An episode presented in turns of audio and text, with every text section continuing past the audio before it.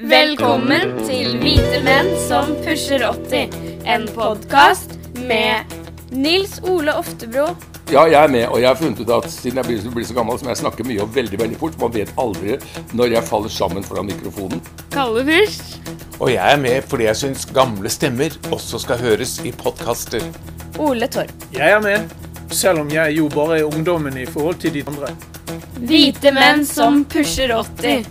En podkast for oss, foreldrene våre, besteforeldrene våre, kort sagt alle. Sett i gang. Vi hører på dere, kanskje, men vi følger med på Snapchat samtidig. Hallo, er du der? Nei, forsvant han. Hallo? Han er langt vekke. Skal vi se, nå plutselig forsvant du fra eh, Er du Skal vi se Der skal vi se om vi har deg nå. både på, Der, nå har vi deg. Nå har vi deg, skjønner du. jeg har FaceTime både på iPaden og på telefonen, så plutselig så ringte det på telefonen, så prøvde jeg å slå over på iPaden, og det gikk dårlig. Å, du er så teknisk flink, Nils Ole. Takk, takk. Jeg Tusen syns det er så gøy at du behersker alle nye tekniske medier. Vet du hva, jeg syns et sånt kompliment fra en bergenser, det tar jeg til meg virkelig med stolthet. Ja og, ja, og jeg vet virkelig hva jeg snakker om, for det, da jeg jobbet i kringkastingen, så var teknikk det jeg behersket aller best. Ja vel, akkurat. Det er godt å høre. For du, ja, men du behersket andre ting ganske godt. Utspørring, f.eks. Ja Ja, da, jo da. Vel møtt igjen, gamliser. Dere vel møtt til en ny podkast. Dagens gammeldagse tema, ass. Ja.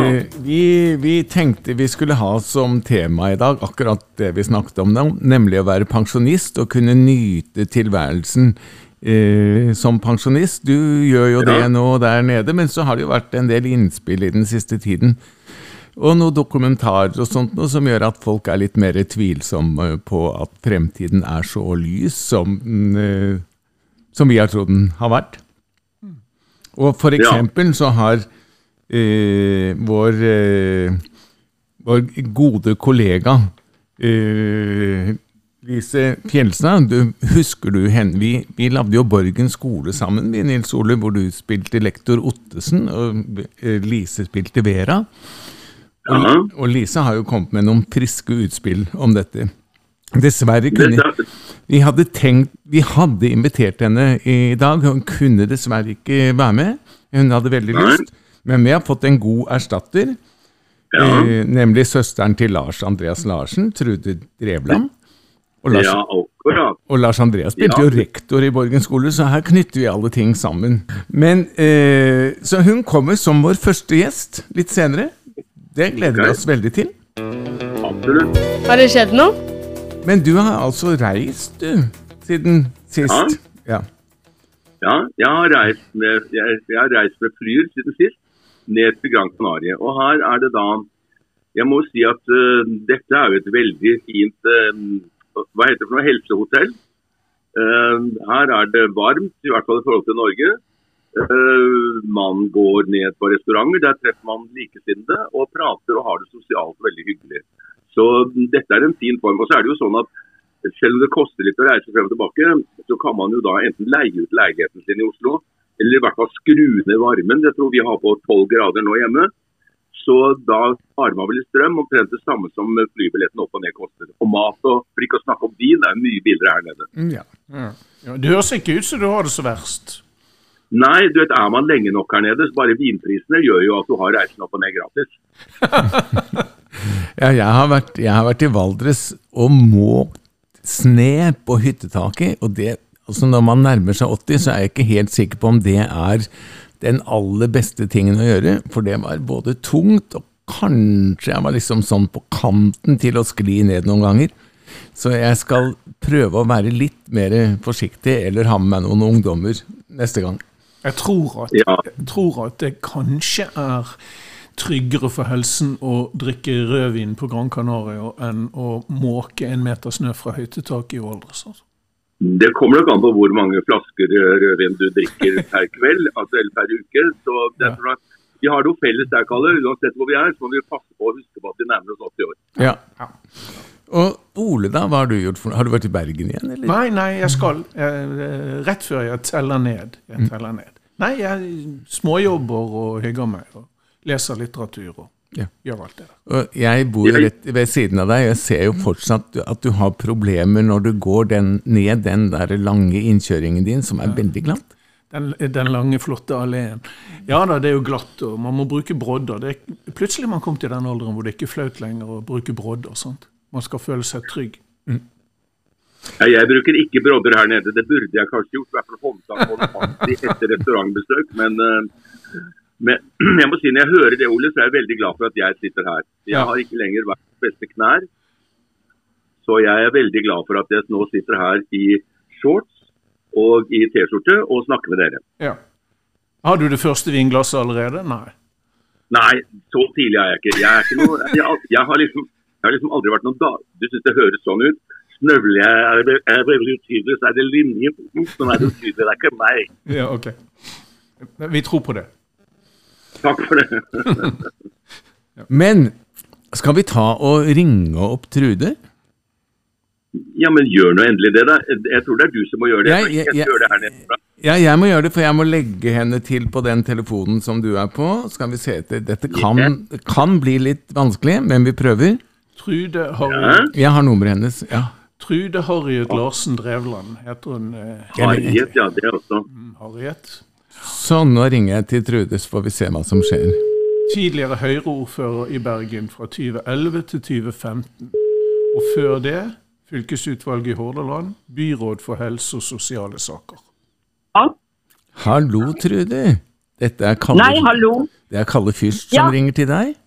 Det hører jeg faktisk. Ja, og Ole er her også. Hei! Hei. Og så har vi Nils Ole. Han, han sitter, hvor er du hen, Nils Ole? Har han forsvunnet? Han er taus, Han- for nei, han han har trykt på feil knapp. Nei, det kan hende er det Du skjønner, dette kan bli litt vanskelig. Der, nå, har, nå ble det deg på vent. Sånn kan vi jo ikke ha det. Nils Ole, Nei. er du der? Nei? Ja, jeg er her. Ja Klarer jeg ikke begge to? Da er det Du, eh, Trude, jeg må, dette blir så vanskelig at vi må prøve en gang til. Ja, men det er greit. Ja, Gjør det. Ja, Fint. Hei. Hei. Hei. Eh, der er du, Nils Oli. Det skal- Her er jeg. Nei, men se her, du, nå fikk jeg bilde av deg, Kalle. Hei. Ja, det er ikke så interessant. Ja. Eh, Jo, Men da. hvordan i huleste. Snabla på deg. Ja. Hallo? Å, Hei, er du der, Trude? Hei. Og der hører Hei, jeg god dag. Nå Ja, hører jeg dag. Nils Nils ja, men da får vi prøve dette her, da. Se hvordan det går. Ja, Ja. Nå må Trude og Nils Ole si hei til hverandre, iallfall. Hallo, Nils Ole. God dag, god dag, Trude. Ja, nå har vi sagt hei til hverandre. Ja. Vet du hva? Jeg lurer på om vi må dundre på før eh, en eller annen linje faller ned. Ja? For da, min tekniske kunnskap strekker ikke til så mye med både Bergen og Kanariøyene. Oi. Men Jeg forstår.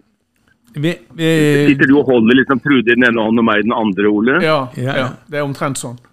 Trude, vi, Ja. har, vi har jo her en podkast som heter 'Hvite menn som pusher 80'. Og vet du hva? Ja, det vet jeg. Du er den aller første gjesten vi har.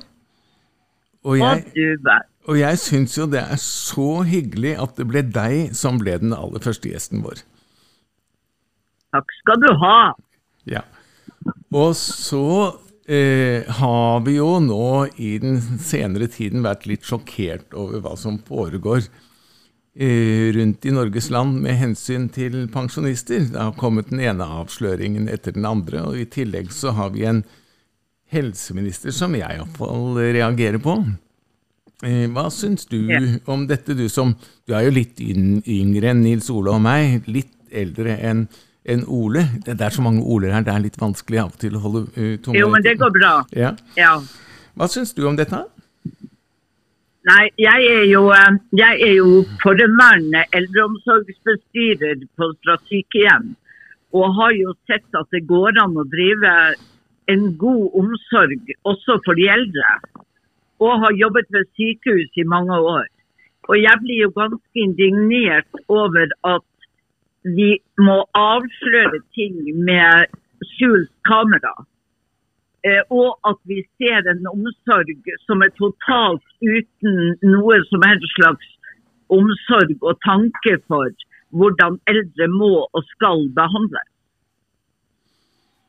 Og hvordan Men tror du dette, men, men tror du dette her er enk enkelttilfeller, er, eller er det noe som har forandret seg siden du da satt eller fremdeles sitter i styret på enkelte av disse eldrehusene? Altså, Mener du at det har skjedd en, uh, en radikal uh, endring i negativ forstand?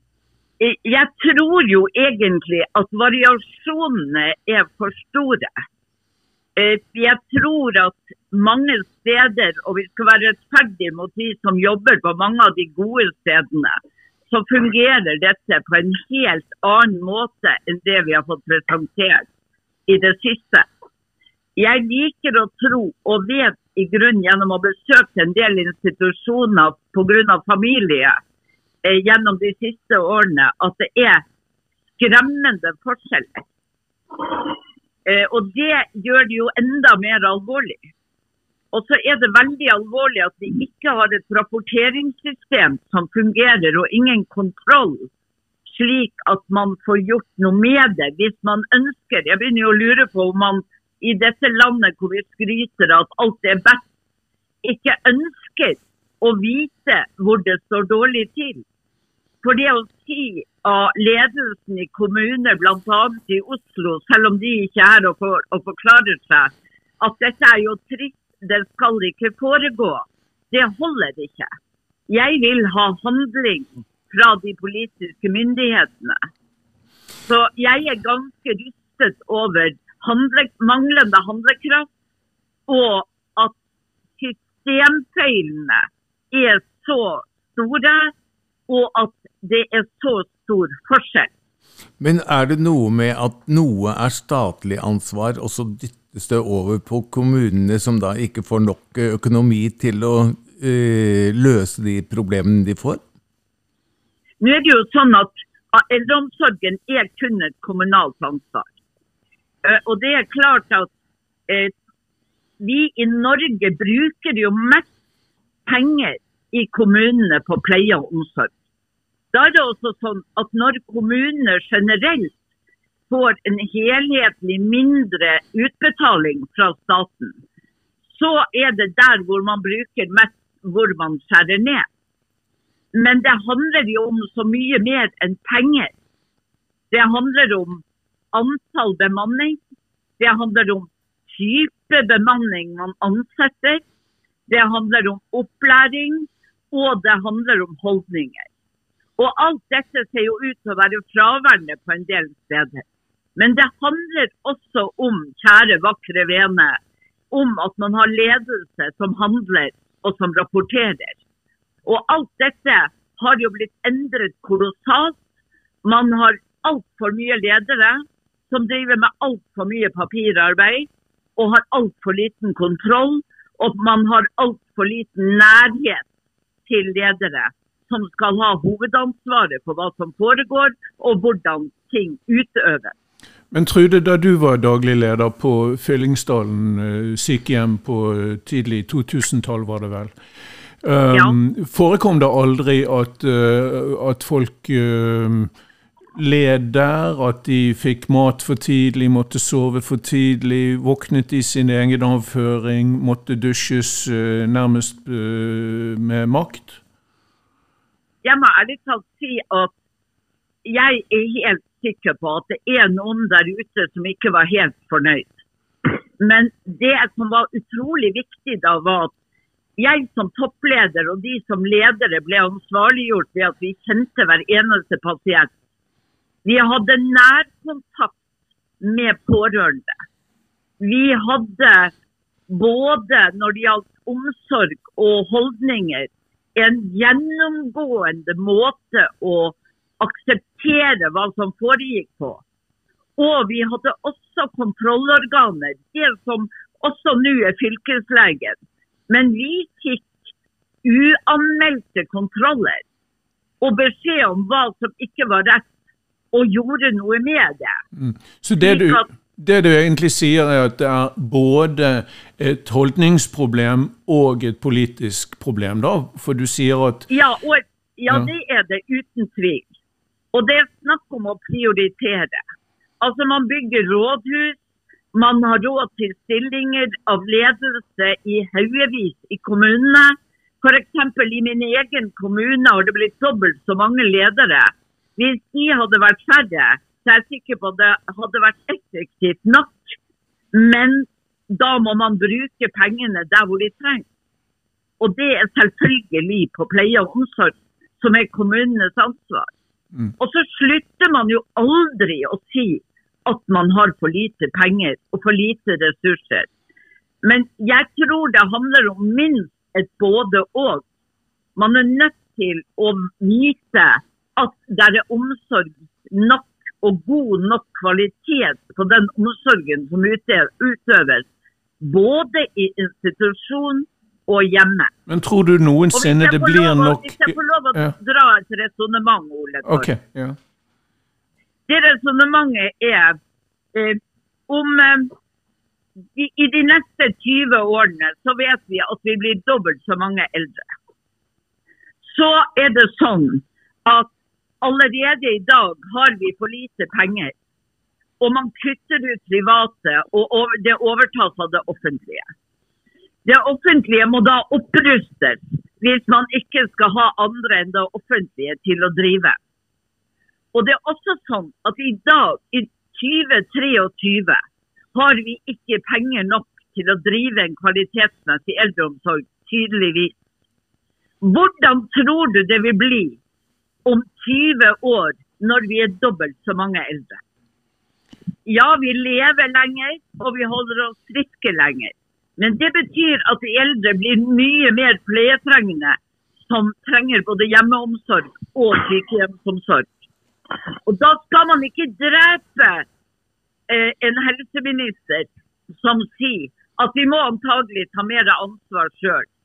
Vi må også være forberedt på at vi må ha gode pensjonsforsikringer. Vi må være forberedt på at når vi lever lenger og det er mindre penger, hvordan tror dere det da kommer til å se ut? Men det er jo feil å komme på debatten av en minister og si at sånn blir det i fremtida. For det jeg venter, og det alle venter, det er at hun kommer med noe som løser problemene som er i dag. Og det var ikke mye av det. Nei, men, men det er vel et faktum også at, eh, at din, din statsminister eh, Erna Solberg sa allerede i 2019 at vi må begynne å benytte oss bedre av venner og nettverk og tilrettelegge for alderdommen. ikke sant? Det, det er ikke noen strid om det i og for seg, når, når den Nei, bølgen er vokser seg så stor. Men, men det er jo feil å komme i en debatt hvor du har fått den type bevis på at det som skjer i dag, er for dårlig, til de grader elendig, og det finnes ingen respekt, det finnes ingen varme, det finnes ingen mulighet til å gi god omsorg. Da hadde jeg venta at hun kom med en pengesum og sa her har dere, gjør det bedre for dette. Det kommer en utredning, da. Ja. Ja, jeg er så glad for det. Jeg vet ikke hvor mange hundre de holder på med nå. Men vi blir jo ikke prioritert, Ole Torp. Du, Trude, jeg skal fortelle deg en bitte liten historie. Jeg lagde en, ja. en barne-TV-serie for 30 år siden på en liten dansk øy som heter Om jeg husker. Ja, Om jeg husker. Mysteriet med det levende lik. Der var, Ja. På den øen bor det 150 mennesker og 4000 kaniner. Ja. Og kaninene de formerer seg jo. Og da, hvert tredje-fjerde år, blir det for mange kaniner. Da kommer det kaninpest. Og så rydder den ut eh, toppen i de eldste. Og så blir det tilpasset eh, naturen, og så går det tre, fire, fem år til, og så kommer det en, en ny kaninpest. Jeg tror egentlig at coviden var verdens svar på kaninpesten på Endelave. Det var meningen at de skulle rydde ut fordi at vi er for mange, vi forbruker for mye, vi forurenser for mye, vi kan ikke bli 100 år alle sammen. Eh, hva- hvordan, for det, det ville jo bli ille hvis vi alle sammen blir 100 år, og så blir det hjemmehjelpernes oppgave å liksom gi oss for lite mat, sånn at vi gradvis sulter i hjel. herregud. Jeg orker jo ikke tenke på at en pandemi skal være den løsningen vi har på de utfordringene vi har. Jeg må jo ærlig talt si at eh, det er egentlig trist å høre hvor praktfullt Norge er på alle måter, uansett hvem som snakker. Eh, vi må innse at vi ikke er verdens ener på altfor mange områder. Og så må vi se på hva må til, og hva må vi la være. For det å si at politikk er prioritering, det er jo snart et hån mot mennesker som lever i dette samfunnet. Du, det, jeg lurer på om det skal være ditt, eh, punkt, ditt fine punktum i, som vår aller første æresgjest i, på Hvite menn som pusher 80. Jeg takker for det og ønsker dere lykke til. Tusen takk for at du ville være med. Hils til Bergen, Trude. Ja, takk! Ha det. Jeg skal hilse fra Ha det. Ha det. Ha det. Ha det, ha det Trude. Ha det. Nei.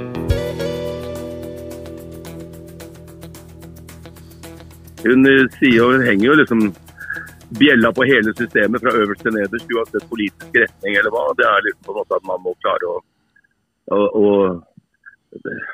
men, men det er jo ikke så lett for kommunene heller, kanskje. Jeg vet ikke, jeg er ikke kommunepolitiker. Å prioritere hvis man strammer budsjettene så mye inn at eh, de ikke har ja, råd til heltidsstillinger nok i eldreomsorgen osv. Men min mor hun fikk eh, slag rundt eh, 1990. Dere, nå har vi snakket litt om, om eh, pensjonisttilværelsen og sånt. Hva, hva skjedde med, hva, hvilke erfaringer har vi fra våre egne foreldre? Hvordan hadde de det på slutten av sitt liv? Altså eh, eh, våre foreldre, mener du? Ja, ikke oss, nei. Nei, nei, jeg håper ikke jeg er helt på slutten ennå, at det i hvert fall er et halvår igjen. Ja. Nei, min mor fikk eh, et slag da hun var eh, 80 år gammel, altså i 1990. Og havnet da på det aldershjemmet som hun selv hadde vært med å bygge 20 år før. Da hadde hun sittet i styret. Og hun klagde fælt.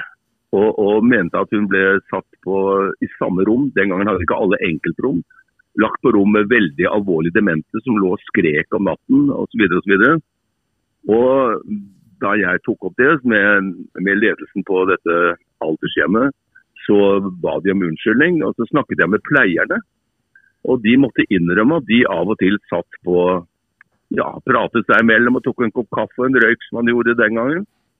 Og ikke alltid var like flinke til å springe i korridorene og sjekke at hver enkelt pasient hadde det bra. Men de sa at de hadde så mye å gjøre, og at det, var, eh, at det er veldig vanskelig med demente. For egentlig så krever en dement altså oppfølging absolutt hele døgnet, for du vet aldri hva vedkommende kan og ikke kan. Vedkommende ligger i sin egen møkk, vedkommende går ut av senga og pisser i kroken på rommet. Altså, du, må innom rommet på en måte hver, eh, hvert femte minutt hvis eh, de skal ha veldig gode eh, forhold, disse demente. Altså de som er alvorlig demente, vi snakker ikke om de som synger demenskor og sånn. Eh, og, og de, de hadde ikke, sa de har ikke bemanning til å gjøre det. Og det var allerede den gang på 90-tallet. Ja, jeg, hadde, jeg hadde også min mor på, på sykehjem, og og på flere av dem. Noen bra, noen ikke så bra. Men det som var, det jeg synes var gjennomgående, var at alle de jeg ble kjent med av pleiere eh, og medhjelpere, og pleiemedhjelpere, var alle utrolig snille og omsorgsfulle, men de løp hele tiden. Og, og det gikk utover hva skal jeg kalle det, oppfølging og service og leggetid og alt det der. Men mitt inntrykk var alltid at de gjorde så godt de kunne. Men at det er en systemfeil i det. Min far han fikk et slag da han var 84, vel. Så han eh, bodde på Rykken alderstrøm den siste perioden han levde. Og da husker jeg annet vi feiret 85-årsdagen hans.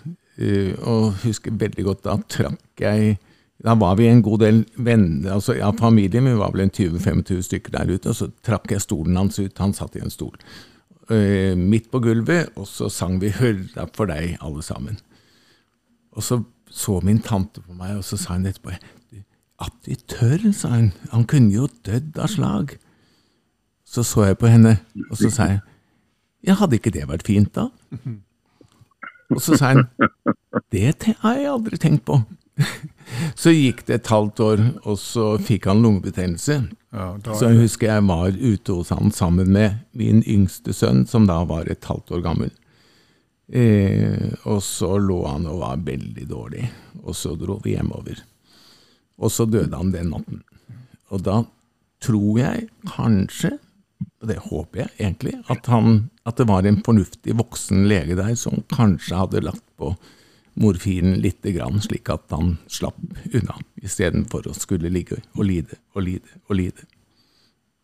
Men han, han døde da med, med- å etter å ha sett sitt barnebarn. Det er jo vidunderlig. Jeg hadde den opplevelsen med min mor også. Hun var veldig stolt over at hun fikk et barnebarn på fanget. Det, var, det var et lykkelig øyeblikk, må jeg si. Ja, Du er den mest voldelige av oss, Kalle. Først så er det pandemier som skal ta livet av en milliard mennesker på kloden. Og nå er det leger som skal sette morfin. Du er absolutt helt klart den mest voldelige av oss, av oss tre. Ja, det er jeg vel kanskje. Ja. Nei, men eh, Jeg mener at den beste, men jeg, den beste måten å begrense vet, den beste måten å begrense antall eh, eldre på, det er jo egentlig å begrense antall fødsler. For først må det fødes, så skal du leve som ung, og så først blir du gammel. Så det er jo ikke sånn at du kan bare liksom gjøre et eller annet med eldreomsorgen. Hvis befolkningen på kloden øker og øker og øker i antall, så vil det automatisk, hvis du ikke da går til dine tiltak, at man toside hender og håper at naturen setter i gang et underverk så vi slipper, så vil det automatisk bli flere og flere eldre. Det sier seg selv, det. P- Piller til alle. vi, nei, men, ja, og, og, selv om, og selv om vi da i Norge på en måte kan si at vi har ikke full eh, dekning av eh, altså Vi føder ikke 2,1 eh, barn per eh, heterofil gruppe, så er jo det bare fint. For da synker kanskje folketallet her til 3,5 millioner, som det var den gangen jeg gikk på gymnaset. Da er det, håndter, da er det det håndterbart, mener du? nei, men du ser jo Da var det håndterbart på en helt annen måte. Men de har jo fått noen problemer i Kina etter ettbarnspolitikken. Nå, er det jo, nå kan du jo uh, få to og tre og fire, nå får du jo penger i Kina for å føde barn. Fordi at nå ser du at ettbarn, eh, resultatet av ettbarnspolitikken er jo at de ikke har noen til å ta seg av de eldre når de blir eldre. Og det har vi jo for så vidt sett mye av i Norge, og hadde det ikke vært fordi vi hadde innvandring, Eh, Hvis du går rundt på et eh, sykehus eller, en alders, eller et helsehus eller hva det måtte være, så er jo personalet i veldig, veldig stor grad eh, av vår hardt arbeidende flerkulturelle eh, befolkning.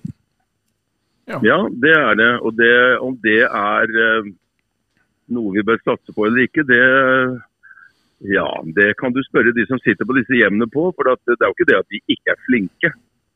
Men veldig mange av de har jo ingen lang fortid i Norge. Hvilket vil si at disse eldre menneskene som gjerne vil snakke om hvordan de hadde det på 50-tall, og, og noen husker liksom den legen de gikk til, eller sånn og sånn. La oss nå være ærlige og si at veldig mange eldre har også et behov for å fortelle litt om det livet de har levd.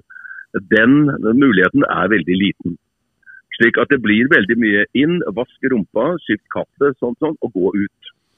Og Det er nok et resultat av ikke av innvandringen, men at det er veldig mange av innvandrerkvinnene først og fremst, som jobber som helsehjelpere. Og Det mener jeg har både en negativ og en positiv side. Og Hvorfor er det så mange av dem? Hvorfor vil ikke flere norske jenter ta de jobbene? Er det fordi norske jenter ikke tåler bæsj? Tåler å ta i eldre mennesker fordi de blir for deprimerte? Er det for dårlig betalt? Er det for lite heltidsjobber?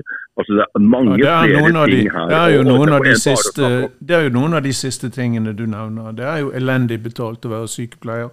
Det er uh, veldig mange helgevakter og nattevakter. Det er øh, halvtidsjobber og 20 jobber. Det er rett og slett ikke veldig fristende å bli sykepleier slik som det er lagt til rette i dag. ikke sant? Nei, og det er man nødt til liksom, å ta inn i debatten. Man kan ikke bare si kan, inn, de kan eh, sende flere innvandrere inn og hjelpe de eldre. Det holder ikke. Vi er nødt til å gjøre et altså, bedre eh, forholdene for de som jobber der, uansett om de kommer fra Asia eller om de kommer fra Røa. Liksom. Mm. Så må begge kunne jobbe der og føle at det er en verdifull jobb. Og om det, Jeg har alltid lurt på hvorfor kan ikke For jeg skjønner jo at det er deprimerende. Hvorfor kan ikke en sykepleier jobbe en type turnus som går ut på at uh, du er liksom uh, to måneder på et aldershjem, og så er du to måneder på et vanlig sykehus. Og så er du to måneder på Så du slipper kontinuerlig hele tiden å se liksom siste stasjon for mennesker gjennom hele ditt voksne liv siden du har valgt det arbeidet. Mm. Men mange, mange, velger jo det, og noen spesialiserer seg på, på andre ting. Så. Ja, Men det er en tanke. Det er en ja, tanke. Ja. Mm.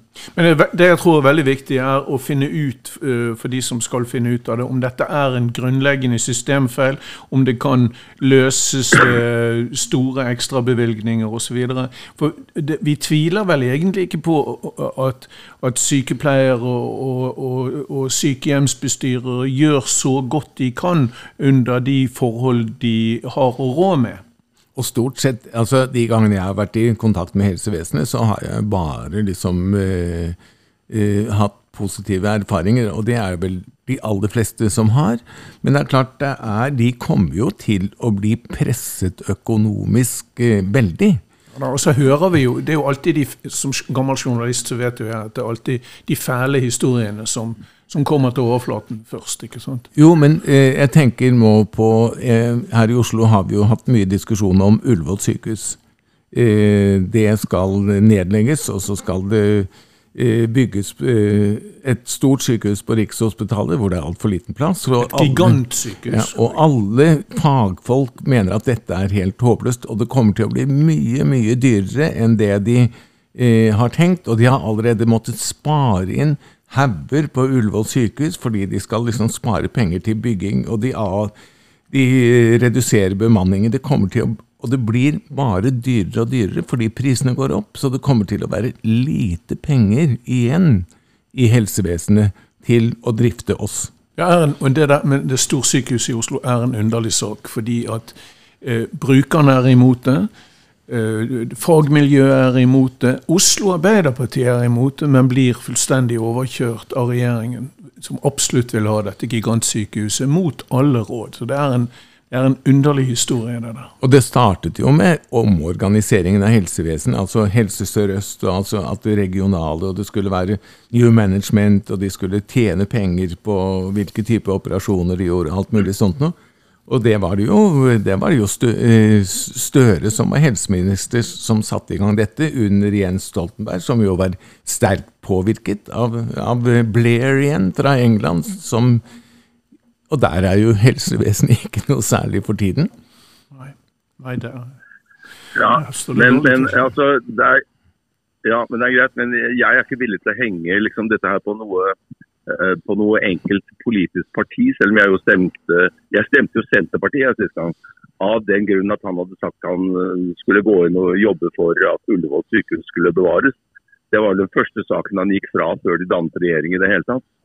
Ja. Så, så, politikere er ikke så mye å stole på, uansett hvilken politisk retning. Og, og det med sentralisering generelt sett av statlige institusjoner, det er vel ikke noe som eh, ett parti i Norge kan ta ansvar for alene. Det er jo ikke sånn at Høyre står for desentralisering liksom på en måte, og Fremskrittspartiet i like måte, mens arbeiderbevegelsen står for det motsatte. Alle sammen har jo pga. at det er økonomer som sitter og bestemmer over fagmiljøene, over ansettelse, overalt sitter økonomer og bestemmer. Og økonomene de vil alltid synes at den beste løsningen er den som er billigst mulig. Og det er når det gjelder omsorg for mennesker, dessverre ikke alltid den beste løsningen, annet enn for lommeboka deres.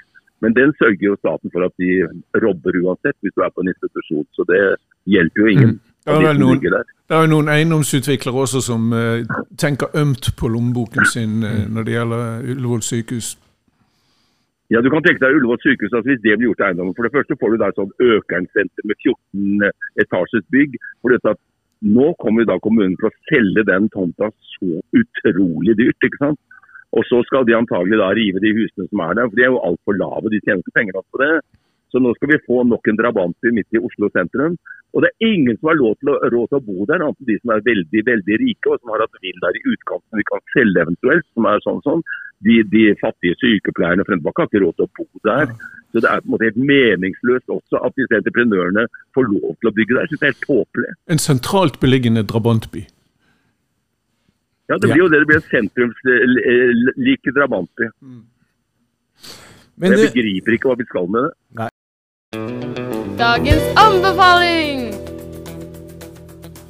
men men jeg lurer på, er det noen av dere som har opplevd noe som dere har lyst til å anbefale for hverandre, eller for, eh, for eh, våre lyttere, eller hva det måtte være?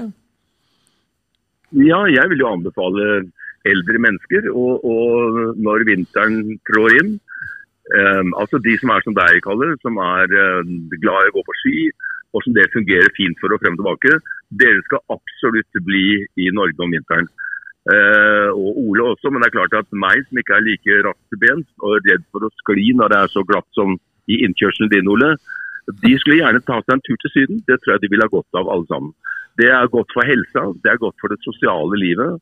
Og det er godt for veldig mange ting som man liksom forsvinner ut av hvis man sitter alene eller bare med sine aller nærmeste rundt seg hele vinteren. Ja, ja, god idé.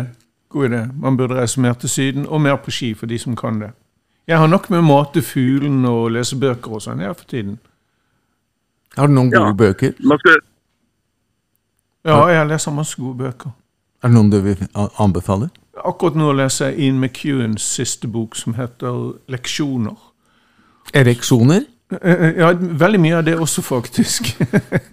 Nei, det ja, har, ereksjoner, ja, ja, ja. Det er jo Nei, det er en roman. opp i voksen alder. Så det, det er en roman om eh, altså Dette er en stor britisk forfatter som før eller siden kommer å få eh, Nobels litteraturpris.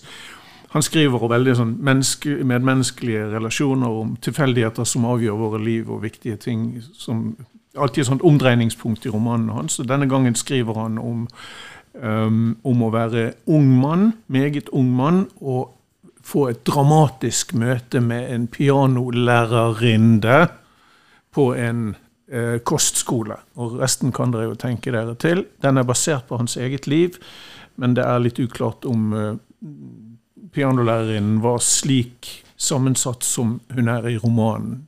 Det er en roman, tross alt. Jeg har altså hatt gleden av å på NRK se en serie som heter Klar til kamp. Som følger eh, rekrutter gjennom først rekruttskolen og så eh, resten av verneplikten. Gutter og jenter. Eh, hardt fysisk arbeid. Helt vanlige ungdommer som kommer der. Veldig fascinerende å se at der bor gutter og jenter på samme rom. Eh, og hvordan de takler det eh, hvordan de sliter og jobber. Det er, og det, det er mye mer fascinerende enn å se Kompani Lauritzen, som jeg egentlig syns var et ganske morsomt program. Men her er det virkeligheten som speiles, og helt ikke kjendiser liksom, som plukkes ut i disse jobbene. Det syns jeg har vært veldig fint. Virkeligheten overgår alt, vet du. Ja, og så er det én ting som minner meg litt om meg selv. For jeg var jo i, jeg var i Da jeg var i militæret på rekruttskolen, så ble jeg plassert i jegertroppen. Fordi at jeg skulle senere ut og reise rundt i Nord-Norge og teste rekrutter. Og da gikk jeg på meg på lange utmarsjer meniskskade. Og en av disse her, hun har tydeligvis fått eh, noe tilsvarende. Men hun må jogge meg gå og gå og gå. Så tenkte jeg dere må jo være snille mot henne, ellers så kommer hun til å ha det like vondt som meg resten av livet. Er det litt sånn macho-stemning? Det- Du skal tåle alt. Du må tåle alt. Eh, Du må faktisk gå inn og se det, Ole. Det er veldig fascinerende. Dette ser ikke du på Kanariøyene, Nils Ole. Nei, men jeg har jo vært i militæret. Altså, pluss at jeg, som du vet, har vært interessert meg en del for krigen i Ukraina. Og man ser jo helt tydelig på de som er ved fronten der, at eh, det er ingen enkel sak. Altså, Man må gi mye, man må ofre mye. Det er et utrolig slit, og du vet ikke om du er og kameraten din er i live neste morgen. Så det er klart at eh, skal du drive en aktiv og en ekte form for utdanning til det å være soldat, til det å faktisk bruke livet og kreftene dine på eventuelt å drepe så mange av motstanderne soldater som du kan, så kan ikke det skje ved noen sånn håndsopprekning og fellesmøter og, og eh, jeg må dusje og ta deodorant før jeg går i gang. Altså, Jeg tror ikke det er mulig. Nei. Nei, det er vel det som er soldatarbeidet. Ja, men det er interessant å se hvordan de da driller norsk ungdom på akkurat det du snakker om også. Eh, du, eh, Ole, du snakket om i den boken tilfeldigheter. Ja. Ja, det er liksom hans, det, på mange måter hans kjennetegn. Jeg intervjuet ham en gang. Da, eh, da, sa han, da så bemerket jeg at det er så mange sånne tilfeldigheter i bøkene dine. Og, og da fortalte han at han var så opptatt av det der at um, du, sitter kanskje hele uken hjemme og leser avisen om ettermiddagen, og så går du ut. og Plutselig bryter du den rutinen og går ut en ettermiddag og går på pub eller på bar. Eh, og akkurat den kvelden hever du blikket over ølglasset, og der er kvinnen du har drømt om å møte hele livet. Og ved en tilfeldighet gikk du ut onsdag, ikke torsdag. Politisk ukorrekt. Dette er vel korrekt for de gamle menn, da. Vet du hvilken tilfeldighet som gjør at vi sitter her og lager denne podkasten? Hvem tilfeldigheten er? Nei? Den Quisling. heter vel kalle først. Quisling har faktisk Quisling er faktisk en av hovedårsakene til at vi sitter og lager denne podkasten. Nei, nei, nei, nei, jeg vil ikke være involvert i noe med Vidkun Quisling. Har jeg Jo, dette vil jeg, jeg har spilt Vidkun Quisling på teater, så dette vil jeg veldig gjerne høre. Du har spilt Stalin også, så det, du må jo være en veldig mangefasettert ja, Nei. jeg har spilt alle de figurene jeg ikke skal spille. Alle sammen. Drapsmenn, konemishandlere, Quisling, Stalin, you name it. Ja, men nå skal jeg fortelle dere hvordan Quisling har en, en forbindelse til denne podkasten. Eh, Max Manus, som var den store krigshelten i Norge, han sprengte en båt i Peppervika eh, i mai 1943. Og da arresterte tyskerne gisler, de, de som de trodde var med i hjemmefronten, men som de ikke hadde noe helt konkret på. Og faren min var med i hjemmefronten, men de hadde ikke noe helt konkret på han, så han ble arrestert. Så viste det seg altså at min morfar, professor Bull, som var en meget kjent kirurg i Norge, han hadde operert Quisling på midten av 30-tallet. Og Det var som sannsynligvis- sannsynligvis reddet livet hans. Så etter en stund så ringte mor, som da satt sammen med min storesøster og storebror, som var seks og fire år gamle. Og så ringte hun til morfar, og så sa hun du som kjenner Quisling, kan du gjøre noe for at Kalle, min far het også Kalle, kan kanskje komme ut. Så morfar ringte til Quislings kontor, og så sa han det er professor Bull, jeg vil snakke med Quisling. Og så ble han satt over til Quisling, og så sa han det er professor Bull, min svigersønn er arrestert, og det liker jeg ikke. Og så la han på røret. Så gikk det ti dager, så ble far satt fri, og så gikk det ti måneder, og så ble jeg født. Å, I gledesrusen Ja. hadde det skjedd noe. Så jeg mener ikke at vi skal takke Quisling, jeg mener vi skal takke professor Bull. Eh, For hadde det ikke vært for han, så hadde vi ikke hatt denne podkasten gående. Og så gleder jeg meg til å møte lytterne våre og andre. Dette kan dere tenke på, hvordan tilfeldighetene griper inn i livet vårt. Men vi møtes tilfeldigvis neste gang vi er på lufta igjen. Hvite menn som pusher 80 er produsert av Fyrst og Far film og fjernsyn med støtte av Fritt Ord. Medvirkende er Ole Torp, Nils Ole Oftebro og Kalle Fyrst, som også er produsent.